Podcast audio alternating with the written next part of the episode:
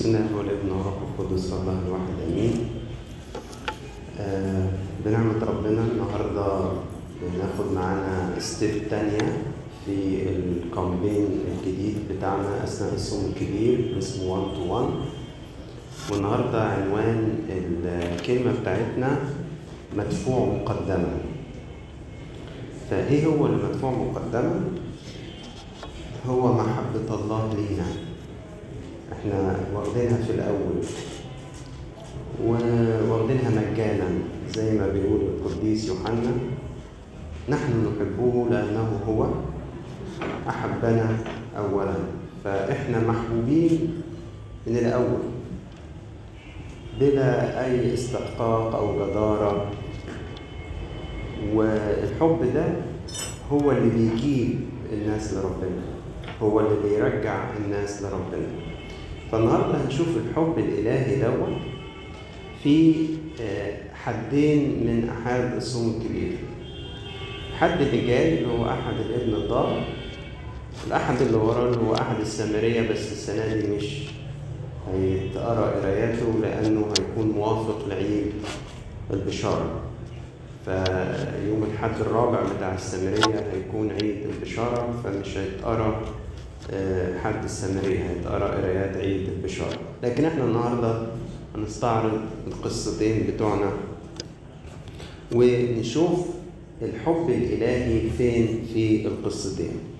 أنا عايزكم تطولوا بالكم معايا لأني هستخدم أو هرجع لكلمات في القصة في أصلها اليوناني. بس ما تتخضوش يعني حاجات سهلة. أنا أنا شخصيا برضو ما أعرفش يوناني كويس.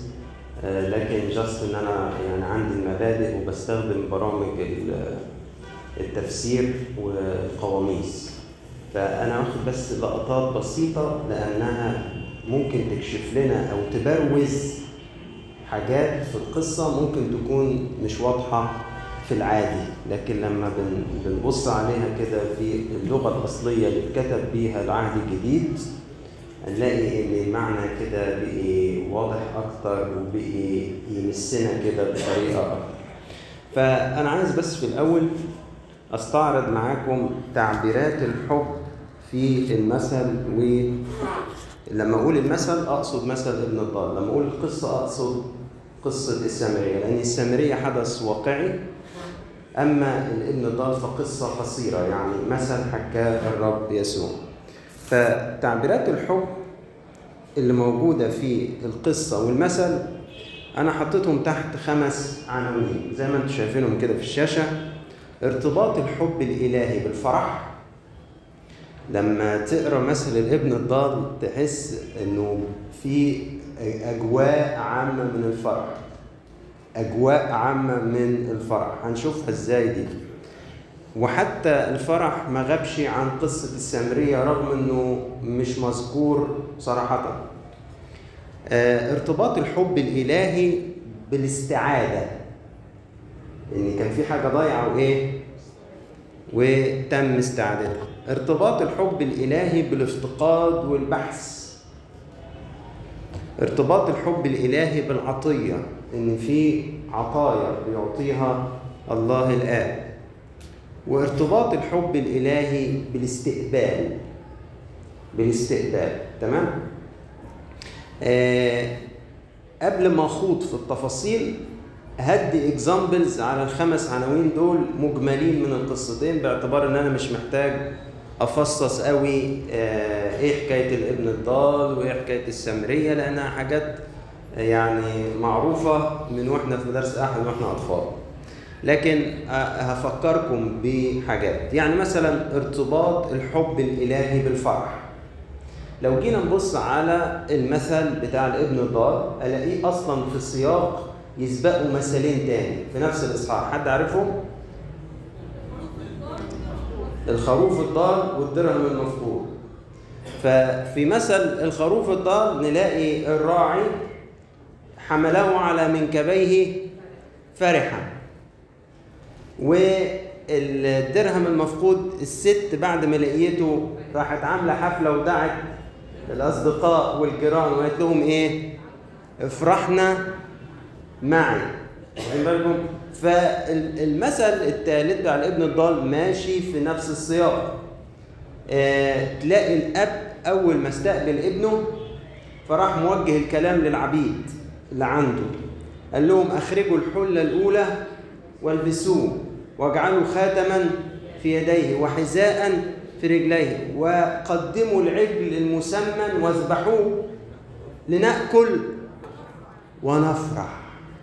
فابتدأوا يفرحون أو وطفقوا يفرحون. يعني تحس كده بيه إيه؟ تحس لو أنت داخل فعلا قربت من القرية دي هتسمع أصوات طبل وزمر وفرح وغنى وجو فرح هياخدك. والمسيح أصلا طول الإصحاح ده يقول هكذا يكون فرح في السماء بخاطئ واحد يتوب أكثر من 99 برا لا يحتاجون إلى توبة. وبعدين يجي الابن الأكبر راجع من الحقل فيقول لنا الكتاب فسمع صوت آلات طرب ورقص. الفرح مسمع الفرح مسمع. الحب بتاع ربنا لينا واخد شكل الفرح. الله فرحان بوجود أولاده في حضنه باستعادة أولاده. برجوعهم لنفسهم ورجوعهم ليه واخدين بالكم؟ حتى في قصة السامرية هتلاقوا إنه رغم ان مفيش سيرة الفرح خالص في الديالوج اللي بين الرب وبين السامرية لكن لما جم التلاميذ قالوا له يا معلم كل. فقال لهم لي طعام آخر؟ أنتم ما تعرفوهوش. فقالوا إيه ده؟ هو حد جاب له أكل؟ قال طعامي أن أفعل مشيئة الذي أرسلني واتمم عمله الحق أقول لكم إن أنا أرسلتكم لتحصدوا ما لم.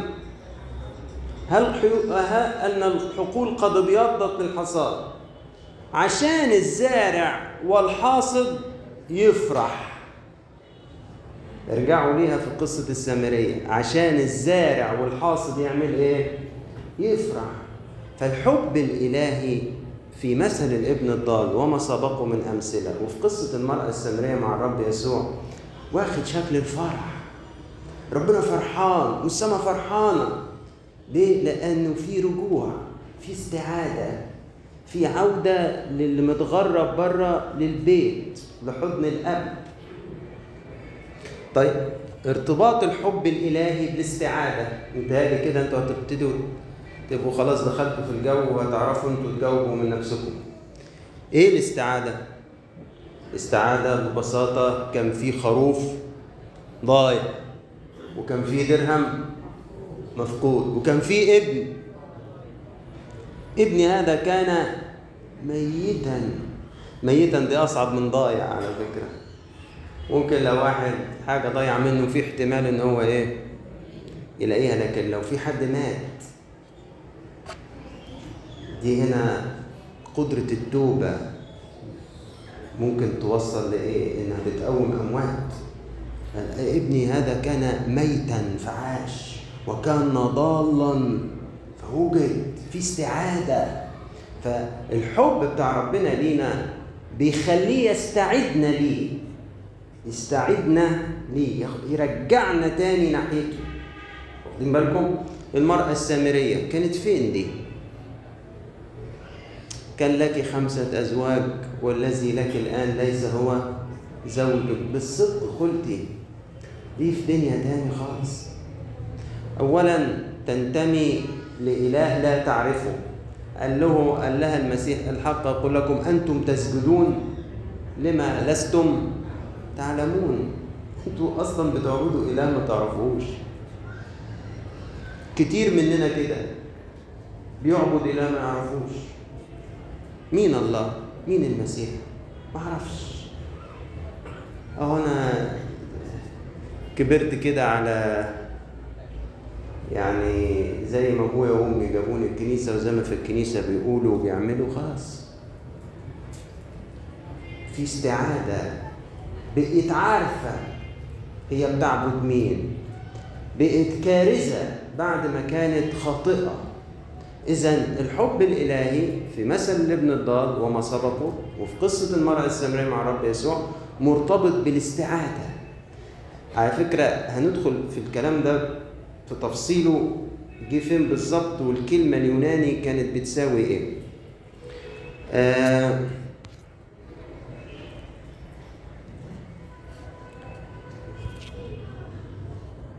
الحب الإلهي وارتباطه بالافتقاد والبحث. التلات أمثلة اللي في لقا 15 كلهم فيهم تفتيش. آه خروف وضل. الراعي يسيب ال 99 خروف ويعمل إيه؟ يطلع يفتش. والصورة أو الأيقونة بتاعة الحدث ده جميلة. دايما تصور لنا الراعي وهو بيمد ايده بيخاطر كده عشان وسط شوك يتلافى خروف قرب يقع من قمة جبل. في تفتيش وبحث. ده حب ربنا. هو إيه اللي يخلي إيه اللي يخلي ربنا يدور عليا وأنا تايه؟ وأنا بعيد وأنا خاطي حبه. مفيش جواب تاني على فكرة. مفيش حاجة تانية تخلي ربنا يدور عليا. فكر كده مع نفسك. ليه ربنا دور عليا في الوقت الفلاني؟ إيه اللي إيه اللي ليا عنده يعني؟ حبه حبه ليا. واخدين بالكم؟ الدرهم. إيه يعني؟ إيه تف... إيه حملة التفتيش دي يعني على الدرهم؟ إيه يعز عليها يفرق معاها. إيه اللي إيه اللي إيه اللي يخلي الأب يعمل كل الهلومة الكبيرة دي في مثل ابن الضال؟ لك كان ضلا فوجدناه. وكأني رغم إن مفيش ألفاظ واضحة في المثل بتاع ابن الضال تقول إن الأب راح فتش على ابنه بس الكلمة دي معناها إيه؟ إحنا لقيناه. يوم يبقى أنت كنت بتدور. ما دام بتقول إيه؟ لقيناه. وفي واحد ما بيدورش على حاجة. لما يشوفها قدامه يقول لقيناها ما بيدورش عليه. لقيناه. كان ضالا فوجدناه. والمرأة السامرية الرب يسوع في يوحنا 4 يقول لك وكان لابد له أن يجتاز السامرة وإذ كان قد تعب من المشي وكان نحو الساعة السادسة جلس على البئر يعني يعني واخد مشوار وماشي في الحر رايح بتعمل إيه؟ رايح أفتش رايح أدور أدور على مين؟ فتش على مين؟ على واحدة من بنات الله. امال أنا الاب أرسلني ليه؟ أرسلني ليه الاب السماوي؟ أرسلني عشان أجيبها. أرسلني عشان أفتش عليها وألاقيها وأجيبها. إذا الحب الإلهي مرتبط بالافتقاد والبحث. الحب الإلهي مرتبط بالعطية. لو بصينا في مثل ابن الضال ألاقي اخرجوا الحلة الأولى والبسوه واجعلوا خاتما في يديه وحذاء في رجليه. في عطايا وفي مأدبة بقى. هنجيلها دي. في مأدبة فيها عجل مسمى. الآباء معظمهم بيتأمل في العطايا دي وبيشوف إن ده آه لباس عدم الفساد اللي ربنا رده للإنسان بالفداء. الحلة الأولى دي ذا بيست يعني أحسن وأفخر ملابس موجودة في البيت. هاتوها له ولبسوها له. أفخر حاجة موجودة هاتوها ولبسوها رداء البر وعدم الفساد اللي كان الإنسان فقده. الخاتم بعض الآباء بيتأمل فيه إنه تعبير عن السلطة والبعض بيتأمل فيه إنه إشارة للروح القدس باعتبار إنه بيتلبس في الأصبع. وأصبع الله كان اصطلاح لاهوتي يشير للروح القدس. فبعض الآباء يقولوا عنه إنه ده إشارة للسلطة اللي بيستعدها هذا الابن وبعضهم يعتبر إن دي عطية الروح القدس. والحذاء ده إشارة إنه انتقل من وضع العبودية فالعبيد ما كانوش بيلبسوا احذيه في ارجلهم في ذلك الوقت إلى إنه سيد لابس حذاء في قدميه. لو جيت أبص على قصة الرب يسوع مع المرأة السامرية الاقي يقول لها لو كنت تعلمين عطيه الله. ومن هو الذي يقول لك أعطني؟ لاشرب دي ما اختلفوش عليها الأباء بقى. يعني القديس كرولوس الكبير والقديس يوحنا زبيل فما قالوا العطية دي هي الروح القدس. يا المسيح رايح ياخد من السامرية مية عادية يشربها ويديها مية الحياة اللي هي الروح القدس. ده تعبير واضح جدا عن اللي قاله القديس بولس في رسالته إنكم تعرفون نعمة ربنا يسوع المسيح الذي من أجلكم افتقر وهو غني. افتقر دي يعني يشرب مية من بتاعتنا. لكي تستغنوا أنتم بفقره يعني يديكم تشربوا من ماء الحياة. وده اللي بنقوله إحنا في سطوقيه يوم الجمعة أخذ الذي لنا أعطانا الذي لنا أخذ جسدنا وأعطانا روحه القدوس. جسدنا ده هو اللي بيشرب المية العادية. المسيح لولا أخذ جسد عادي زي جسدنا ما كانش هيحتاج يشرب من المرأة السامريه مية عادية. ولما طلب يشرب منها هي مية عادية للجسد أعطاها هي الروح القدس ماء حي لاعماقها فالحب الإلهي مرتبط بالعطيه لما حد بيحب حد بيبقى عايز يديله عايز يتقدم له عايز يعطيه. طب ولما إحنا البشر بنعرف نعطي أولادنا عطايا جيدة؟ فكان بالحري أبونا الذي في السماء مرة قال يهب خيرات للذين يحبونه ومرة قال يهب الروح القدس للذين يحبون موضوع كده. يهب الروح القدس للذين يحبون فالحب الإلهي مرتبط بالعطية. الحب الإلهي دي آخر نقطة في الإجمالي قبل ما ندخل في التفاصيل. مرتبط بالاستقبال. المثل بتاعنا يقول لك لا جيني ولا ولا تغديني يعني حسسني كده بالترحيب يعني. فاهمين قصدي؟ فإيه شكل الاستقبال؟ الريسبشن في مثل الابن الضال؟ من أروع المشاهد. مشهد الاستقبال في مثل الابن الضال وهو راجع وإذ لم يزل بعيدا رآه أبوه ف فركض إليه وتحنن ووقع على عنقه وقبله. ده ده شكل الاستقبال الإلهي ليا وأنا راجع من خطيتي. اللي معرفش قعدت فيها قد إيه؟ ما إحنا ما نعرفش.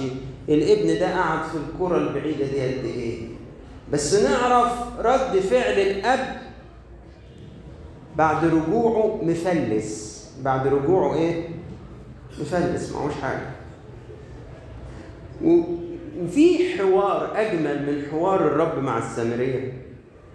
يعني أنا أنا بحب أحط نفسي مكانها. وأحس كده يا هو المسيح المسيح إيه ده؟ إيه حلاوته دي يقعد ياخد ويدي في الكلام كده ويناقش ويلفت النظر و... ويقول لها طيب إديني أشرب.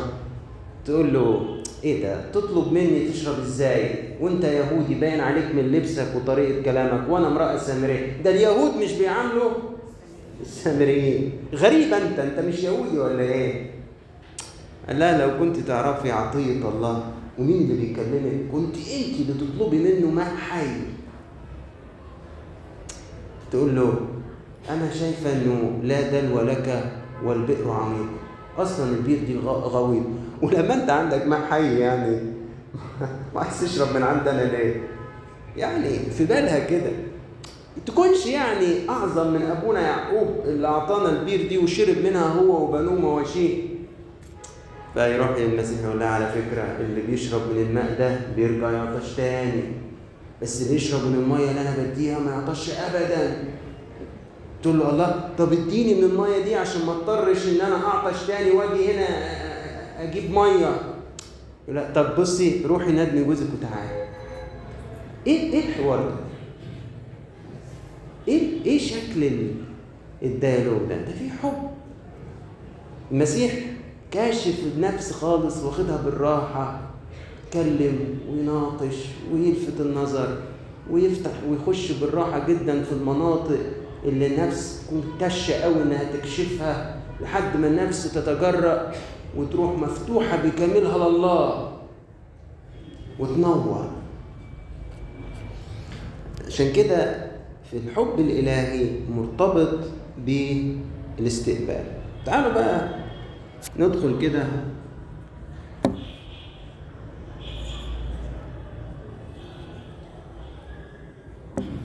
آه دي أول سلايد في الابن الضال. هتلاقوا سلايدات الابن الضال عليها صورة.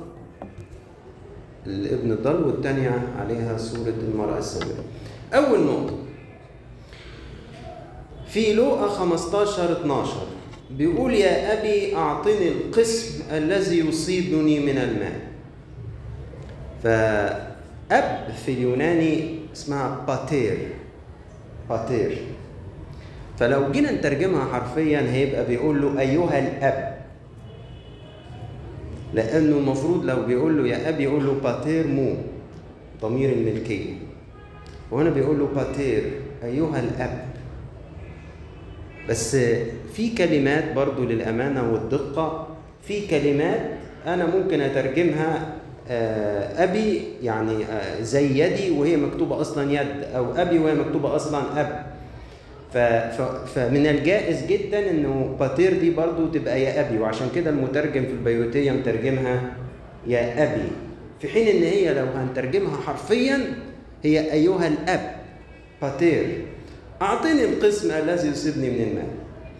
بس وهو بقى في الكرة البعيدة لما رجع إلى نفسه قال كم من أجير لأبي قالها إيه بقى؟ قالها باتروس مو أبي الخاص يعني أقدر أتأمل تأمل كده روحي وأقول لما قرر يمشي ما كانش حاسس إن الأب ده أب خصوصي ليه هو ولما فاق ورجع لنفسه رؤيته لأبوه أنه أبوه الخاص. باتروس مو أرجع لأبي. وأقول له يا أبي أخطأت إلى السماء وقدام هنيجي عند أب وابن دي هنفرد لها نقطة كاملة في آخر تعليقاتنا على الابن الضال ماسكة كل الآيات اللي جت فيها أب وابن وشكل ضمائر الملكية فيها إيه. بس ده نموذج صغير عشان بس ما توهكمش منه. لما بيقول له أعطني القسم الذي يصيبني من المال. كلمة المال هنا في العربي أصلا في اليوناني جاية أوسية. أوسية دي كلمة الناس اللي بتدرس لاهوت بتسمع معاها على طول لأن الكلمة دي كانت أهم الكلمات اللي داير فيها كل النقاش اللاهوتي بين أثناسيوس والأريوسيين. الأوسية هو الجوهر. فهي أوسية معناها مال. وسية كلمة يوناني تعني ممتلكات مال أو تعني جوهر الشيء. فهنا في المثل طبقا للمثل هو فعلا المال الممتلكات اديني ممتلكات. بس لما أجي أفسر المثل ده روحيا ما هو أصلا لا في فلوس ولا في قصص زي كده ده كله ليه معاني روحية. لو جيت أفسره روحيا هو بيقول له اديني كينونتي. هروح بيها بعيد. زي آدم زمان تصيران مثل الله. أنتوا تبقوا ليكم استقلالية. طب إيه اللي حصل لما الابن الضال خد كينونته الجوهر بتاعه ومشي بعيد في كرة بعيدة؟ لما عمل كده الآية اللي وراه يقول لك وبدد ماله. الأوسية تبددت. هذه الكينونة تبددت. الجوهر بتاعه كإنسان مخلوق على صورة الله. تبددت. ما دام تاخد كينونتك وتروح بيها في الكرة البعيدة وتنفصل عن الأب مصدر هذه الكينونة لأنه هو وحده الكائن بالحقيقة وكلنا واخدين كينونتنا منه لو قررنا إن إحنا ننفصل بكينونتنا دي ونستقل عنه ونروح بعيد تتبدد هذه الكينونة. وبدد ما له. كلمة أوسية اللي هي ممكن تعني ممتلكات وممكن تعني جوهر الشيء أو كينونته. في تطبيقها الحرفي على المثل هي فعلا تعني فلوس ممتلكات. بس لما نيجي نفهم المثل ده روحيا هو فعلا الأوسية بمعناها الآخر اللي هي جوهر أو كينونة لما الإنسان بيجي يبعد عن الله هو كأنه بيقول له أنا عايز كينونتي أنا هعيش بنفسي. بذاتي فيفاجأ إنه لما انفصل عن الله حصل له إيه؟ تبددت هذه الكينونة مش لاقي نفسه. مش لاقي إنسانيته. مش لاقي الشبه اللي بينه وبين الله. طيب ناخد حاجة تالتة. فمضى والتصق بواحد من أهل تلك الكورة. ده في الأول جاع بعدين ما حصل مجاعة شديدة فراح بيقول لنا كده والتصق بواحد من أهل تلك الكورة. فأرسلوا إلى حقوله ليرعى خنازير. التصق دي ممتازة جدا من اللي ترجم للعربي. إنها كلمة مناسبة خالص عن الكلمة اليوناني. الكلمة اليوناني أو الفعل اليوناني إيكوليثي جاية بالظبط كده إنك تجيب غيرة أو صنف وتلزق حاجة في حاجة توحدهم ببعض. تجيب غيرة أو صنف عشان تلزق حاجة في حاجة توحدهم في بعض. إلى هذا المدى الابن الضال التصق بالأشرار. بلزقة بغيرة يعني دي تعبر إلى أي مدى التدهور والانحطاط نزل بهذا الابن في الكرة البعيدة. التصق. وحد نفسه حتى أنا كاتبها كده ارتبط به ووحد نفسه معه وكان له شركة معه. اللي هو من أهل تلك الكورة دي. اللي هو ممكن يكون إشارة لإبليس أو ناس بعيدة عن الله وطرقها غير طرق الله. الوحدة بينه وبينهم وصلت إنها تستدعي الكلمة اليوناني دي. لزق نفسه بيهم. في حين إن الوصية في العهد القديم كانت بتقول تحب الرب إلهك وتلتصق به لأنه هو حياتك. أصلا إحنا مدعوين نلزق في مين؟ في ربنا. بس هو لما بعد وانفصل وراح الكرة البعيدة ما كانش فيه اختيار غير إنه هيلزق في حد تاني. وبالظبط كده. مفيش حالة حياد. مفيش حالة حياد في الحياة الروحية. إما أن أظل ملتصق بالله أو هلاقي نفسي حتى لو ما كانش ده التارجت بتاعي أو هدفي هلاقي نفسي بقيت ملتصق بواحد من أهل تلك الكورة. الكورة دي الكورة البعيدة. ملتصق بيه. طيب ناخد حاجة رابعة. فقام وجاء إلى أبيه وإذ كان لم يزل بعيدا رآه أبوه فتحنن وركض ووقع على عنقه وقبله. هي الآية كلها جميلة بس يمكن اللي, اللي وقع منها كلمة قبله دي لأن مش باين فيها اللي مقصود في اليوناني. قبله دي ممكن تبقى إيه؟ قبلة تمام؟ وممكن تبقى إيه؟ عارفين؟ هي أنهو فيهم؟ هي الثانية الكلمة اليوناني اللي جت تعني kiss repeatedly يعني بيقبلوا بحرارة ومش قبلة واحدة قبلات κατεφίλησεν دي الكلمة اليوناني. κατε يعني بيأكد بيشدد. κατε المقطع ده بيشدد. ال φίλησεν دي اللي هي القبلة. يعني كان في قبلات كتير وبحرارة من الأب لابنه. دي اللي مش باينة يمكن في في الجملة العربية. مش مجرد قبلة. مش لقاء فاتر ولا بارد. أبدا.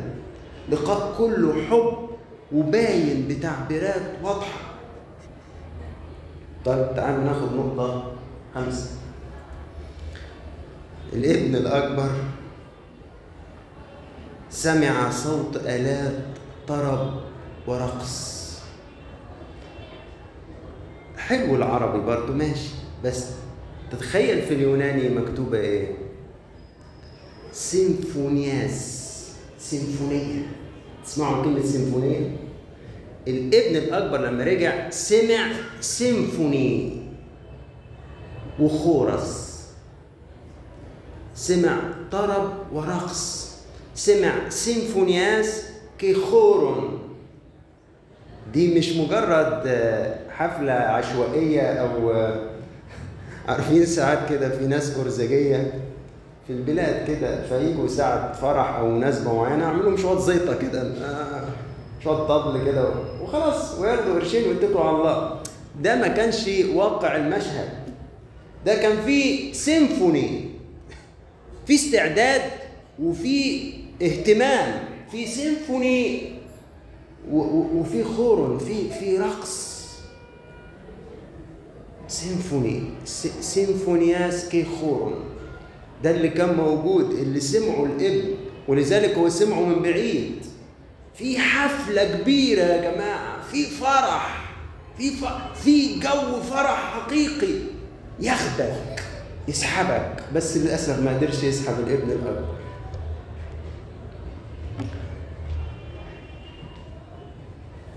طيب تعالوا ناخد حاجة سبعة.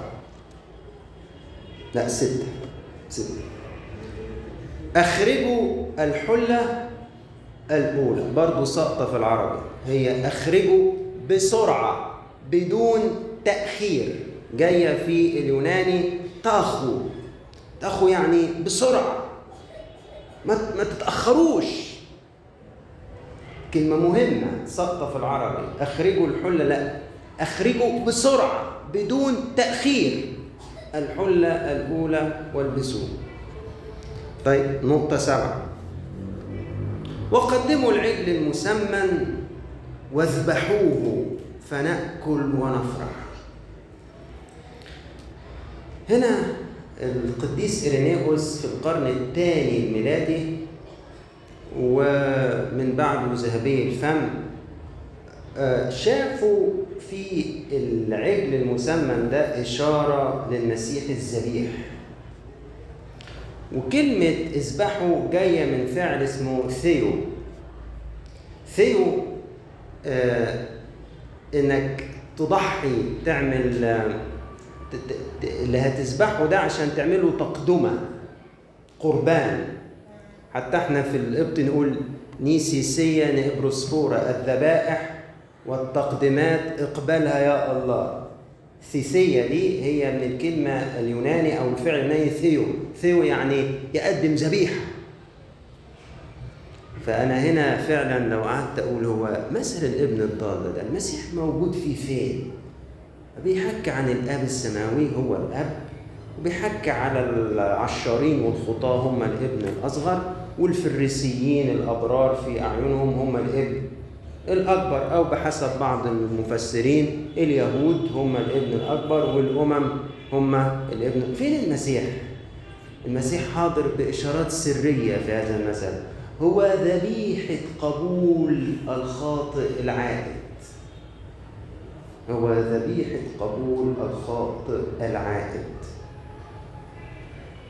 القديس إيرينيوس قال إنجيل القديس لوقا اللي هو جاي في مثل ابن الضال بيعتني بتقديم صورة المسيح الكاهن.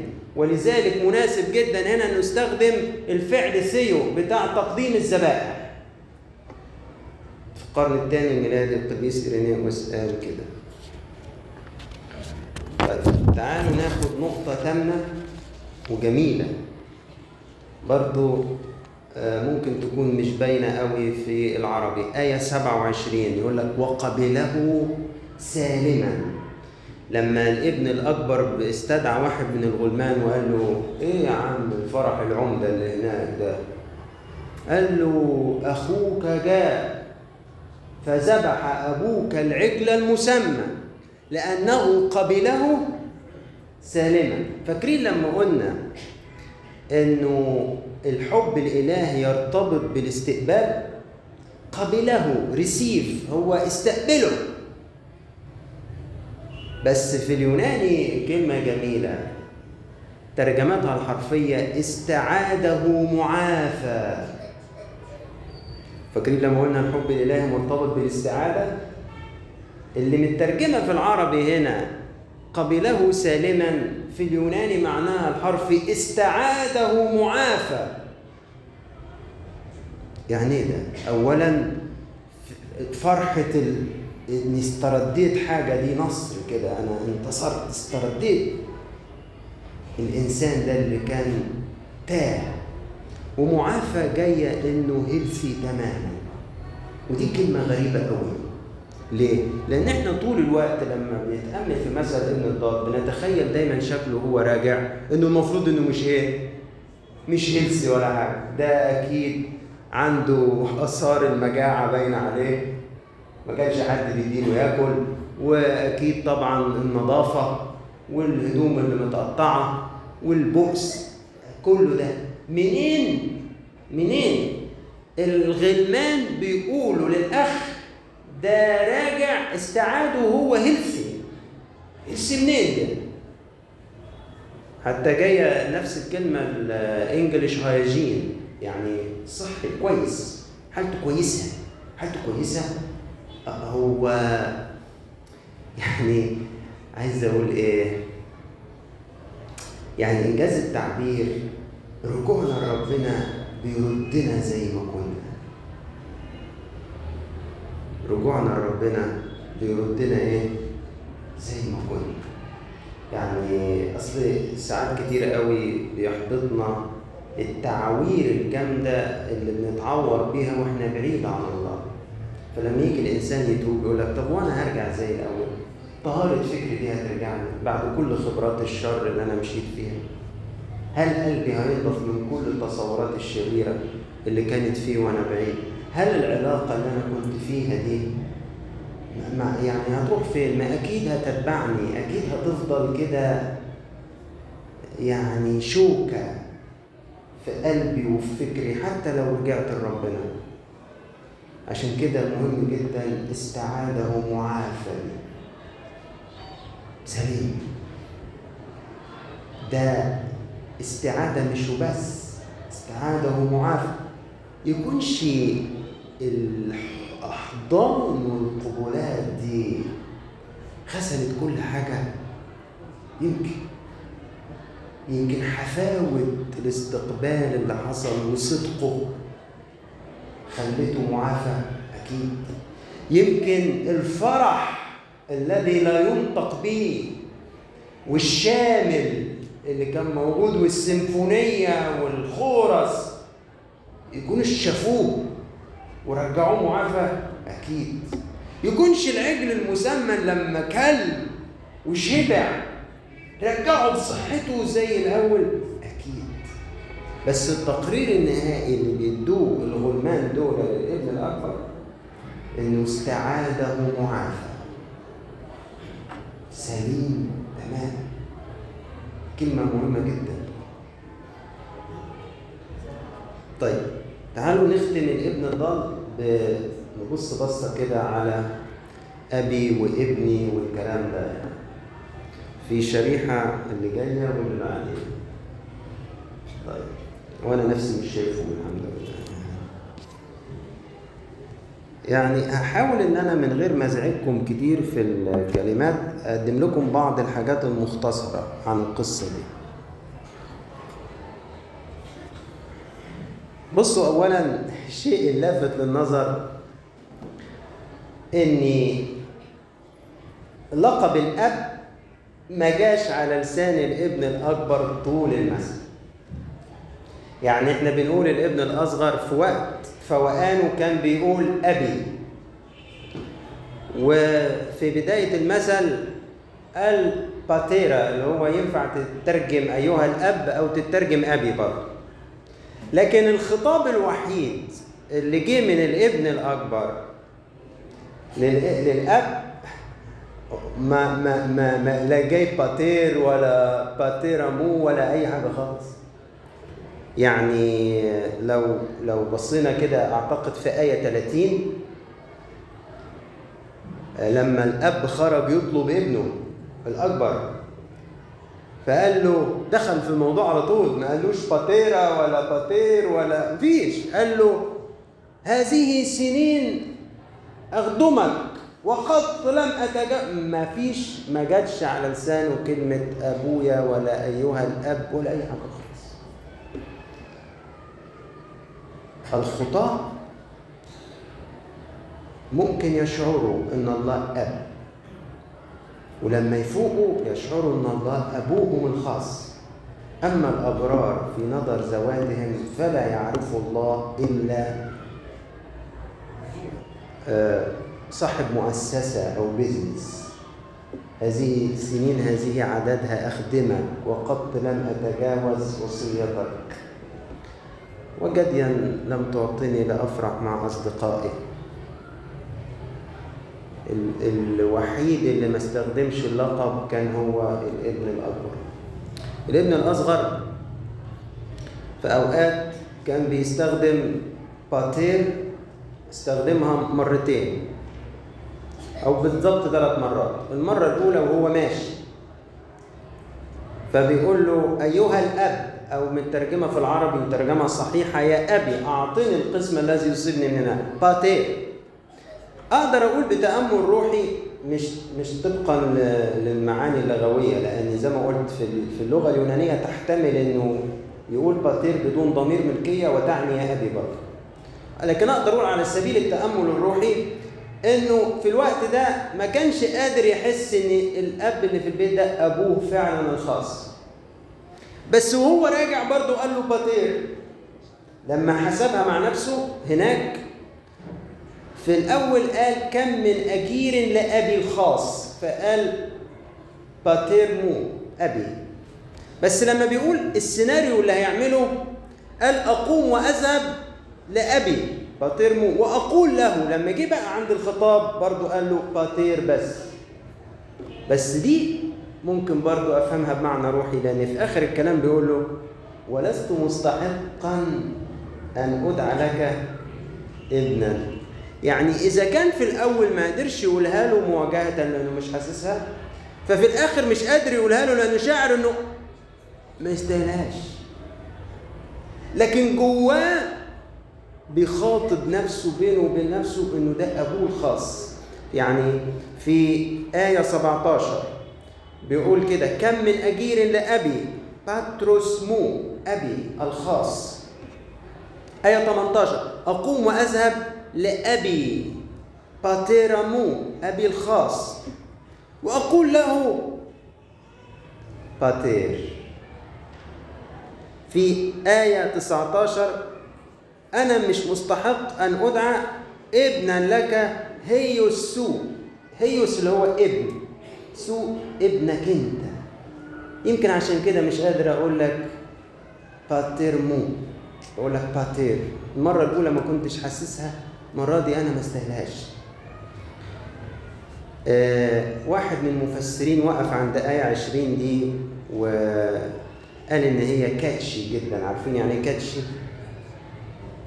يعني أو امبرسيف مؤثرة جدا. في آية 20 يقول لك فقام وجاء إلى أبيه. حتى الإنجليش كاتبها بشكل أكتر كده من العربي. The father of him. مش his father. The father of him. أبيه الخاص. باتيرا أوتو يعني قام وجاء إلى أبيه الخاص. هل هل إحنا مدركين إن إحنا مدعوين لكده؟ إحنا مدعوين نحس إن الله أبونا الخاص.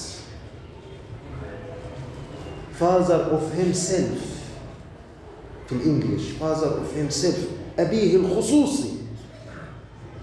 الله أبونا بس هو أبي الخصوصي. الضماير جميلة جدا في المثل. برضو رأى أبوه الخاص هو باتير أوتو أبوه الخاص.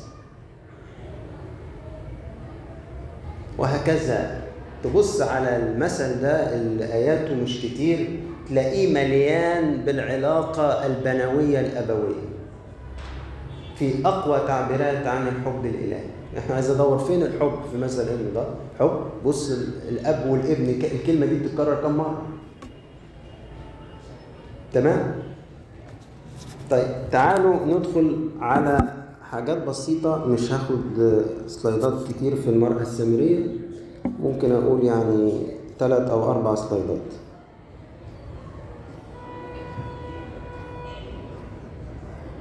عطية الله في المرأة السامرية هي كلمة في اليوناني معناها دوريان آه، آه، آه، تتنطق دوريان. إحنا قلنا إن كيرلس الكبير ذهبي الفم الاثنين اتفقوا إن دي عطية الروح القدس. بس لما تيجي تطلع في القاموس وتشوف دوريان دي اليوناني معناها إيه؟ اجفت اجفت يعني هدية. Freely given. تعطى ببلاش. Not acquired مش بتقتنى by merit or entitlement. يعني مش عن جدارة أو استحقاق. يعني اللي بيتلقى هذه العطية واخدها مجانا بدون أن يكون جديرا بها أو مستحقا لها. بتشير لطبيعة الشخص المعطي الخيرة. يعني الكلمة أصلا بتبرز صفة في الله أكتر ما بتبرز حاجة فينا. بتبرز إن الله يعطي هو صانع الخيرات. هو بيعطي خير عطية من عنده مجانية أنا غير جدير بيها ولا أستحقها. الشيء الغريب المسيح يأتي دي السلايد اللي بقى. المسيح يأتي لامرأة غريبة خاطئة يبشرها بأن الله الآب أرسله ليهبها الروح القدس. ما هو بيقول لها كده لو كنت تعلمين عطية الله ومن هو الذي يكلمك؟ أنت اللي كنت تطلبي منه. وبعدين إيه العطية دي يا رب؟ ده الروح القدس. يا رب الروح القدس ده اتكلم بيه القديسين الكبار اتكلم بيه أنبا مهار واتكلم بيه أنبا انطونس أنت رايح تفتقد واحدة سامرية وخاطئة وتقول لها أنا جاي أعطيك الروح القدس. آه ما هو عشان كده هي دي اسمها دوريان عطية. مش منتظر إن تكون السامرية جديرة بهذه العطية أو تستحقها لكن دي معبرة عن صلاح الآب. أنا بعتني أفتقد هذه المرأة السامرية لكي أهبها الروح القدس. طيب السلايد اللي بعدين. قال لهم يسوع طعامي أن أعمل مشيئة الذي أرسلني وأتمم عمله. لما قالوا له يا معلم كل. راحوا اشتروا أكل. فبيقولوا له إيه؟ كل. بالمناسبة باي ذا وأنا بحضر كسفتني الحتة دي. ذهبي الفم يتأمل لك في حتت كده إيه بين السطور ما تعدي على الواحد. فبيقول بصوا الأكل في آخر اهتمامات المسيح وتلاميذه إزاي. يعني إحنا لما بنصحى من النوم حتى هو كاتب كده نستدعي الجواري بتوعنا والعبيد بتوعنا ونقعد نوصيهم بشدة على الأنواع الخاصة اللي يجهزوها لنا على الغداء ونوصيهم مش عارف المأكولات تكون إيه. قال ده أول حاجة بنعملها لما نصحى. أما شأن الطعام والشراب عند المسيح وتلاميذه فكان آخر حاجة. رايحين خلصوا خدمة واطردوا من ال من ال اليهودية وكان لابد يجتازوا السامرة. وبعدين إيه قالوا له طب نروح نشتري أكل من السوق. بعد ما كل حاجة خلصت في الخدمة وهو حتى بدأ خدمة جديدة وافتقاد للمرأة السامرية. وبعدين جم يقولوا له جبنا أكل يلا. مع إني آخر حاجة. برضه قال لهم إيه؟ طعامي أن أعمل مشيئة الذي أرسلني وأتمم عمله. فهو إحنا في الصيام. فعلا لاحظت اللي قاله ذهبي الفم. بنصحى الصبح يا عيني. ست البيت هي غالبا من اليوم اللي قبليه. السؤال المعتاد يا حبايب بكرة هتتغدوا إيه؟ ويبدأ فاصل من المناكفة في البيت. لا أنا ما بحبوش. طب نعرض نوع تاني. لا أنا ده ما بحبوش. تقعد ماما تحتار يا عيني وتحير وتدير في صنف ينفع يرضي جميع الأطراف وقد تعمل صنفين وقد تعمل ثلاثة وتصحى ماما من الصبح يا عيني تدخل المطبخ وتقعد تجهز في الأكل ده بيعبر عن مكانة الأكل في حياتي. أما عند المسيح وتلاميذه فالأكل ده إيه؟ آخر حاجة. ده ده مين لاحظ كده ذهبي الفم في تفسيره ليوحنا أربعة المرأة السامرية. المهم فقال قال لهم طعامي أن أعمل مشيئة الذي أرسلني وأتمم عمله. فالقديس كورولوس الكبير يقول من من هذا أيضا نعرف مقدار الحب العظيم الذي يكنه الله نحو الإنسان. لأن الله يعتبر رجوع الضال إلى الخلاص هو طعامه ولذته. يعني المسيح حس إنه شبعان. مش عايز ياكل. طب إيه؟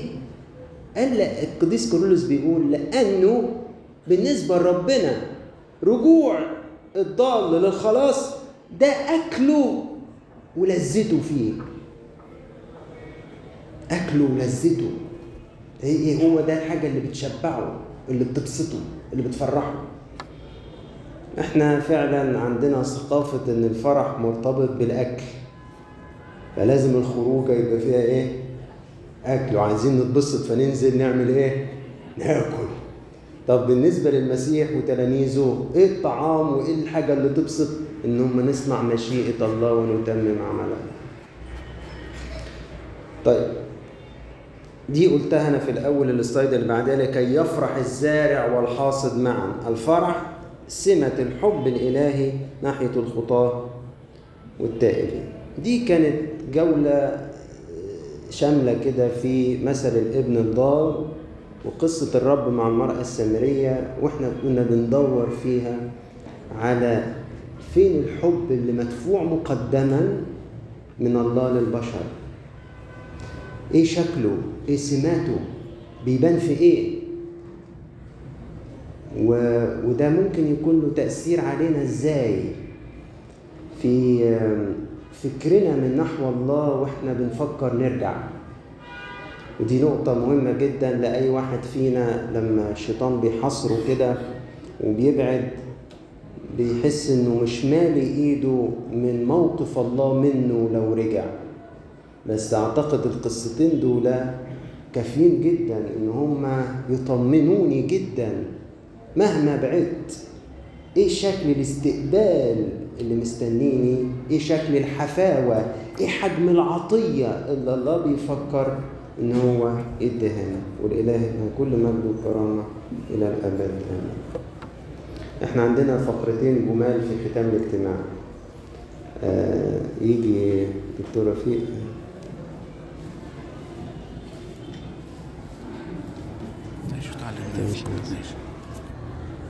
آه، إحنا دلوقتي هن هنكرم بعض الناس المجاهدين.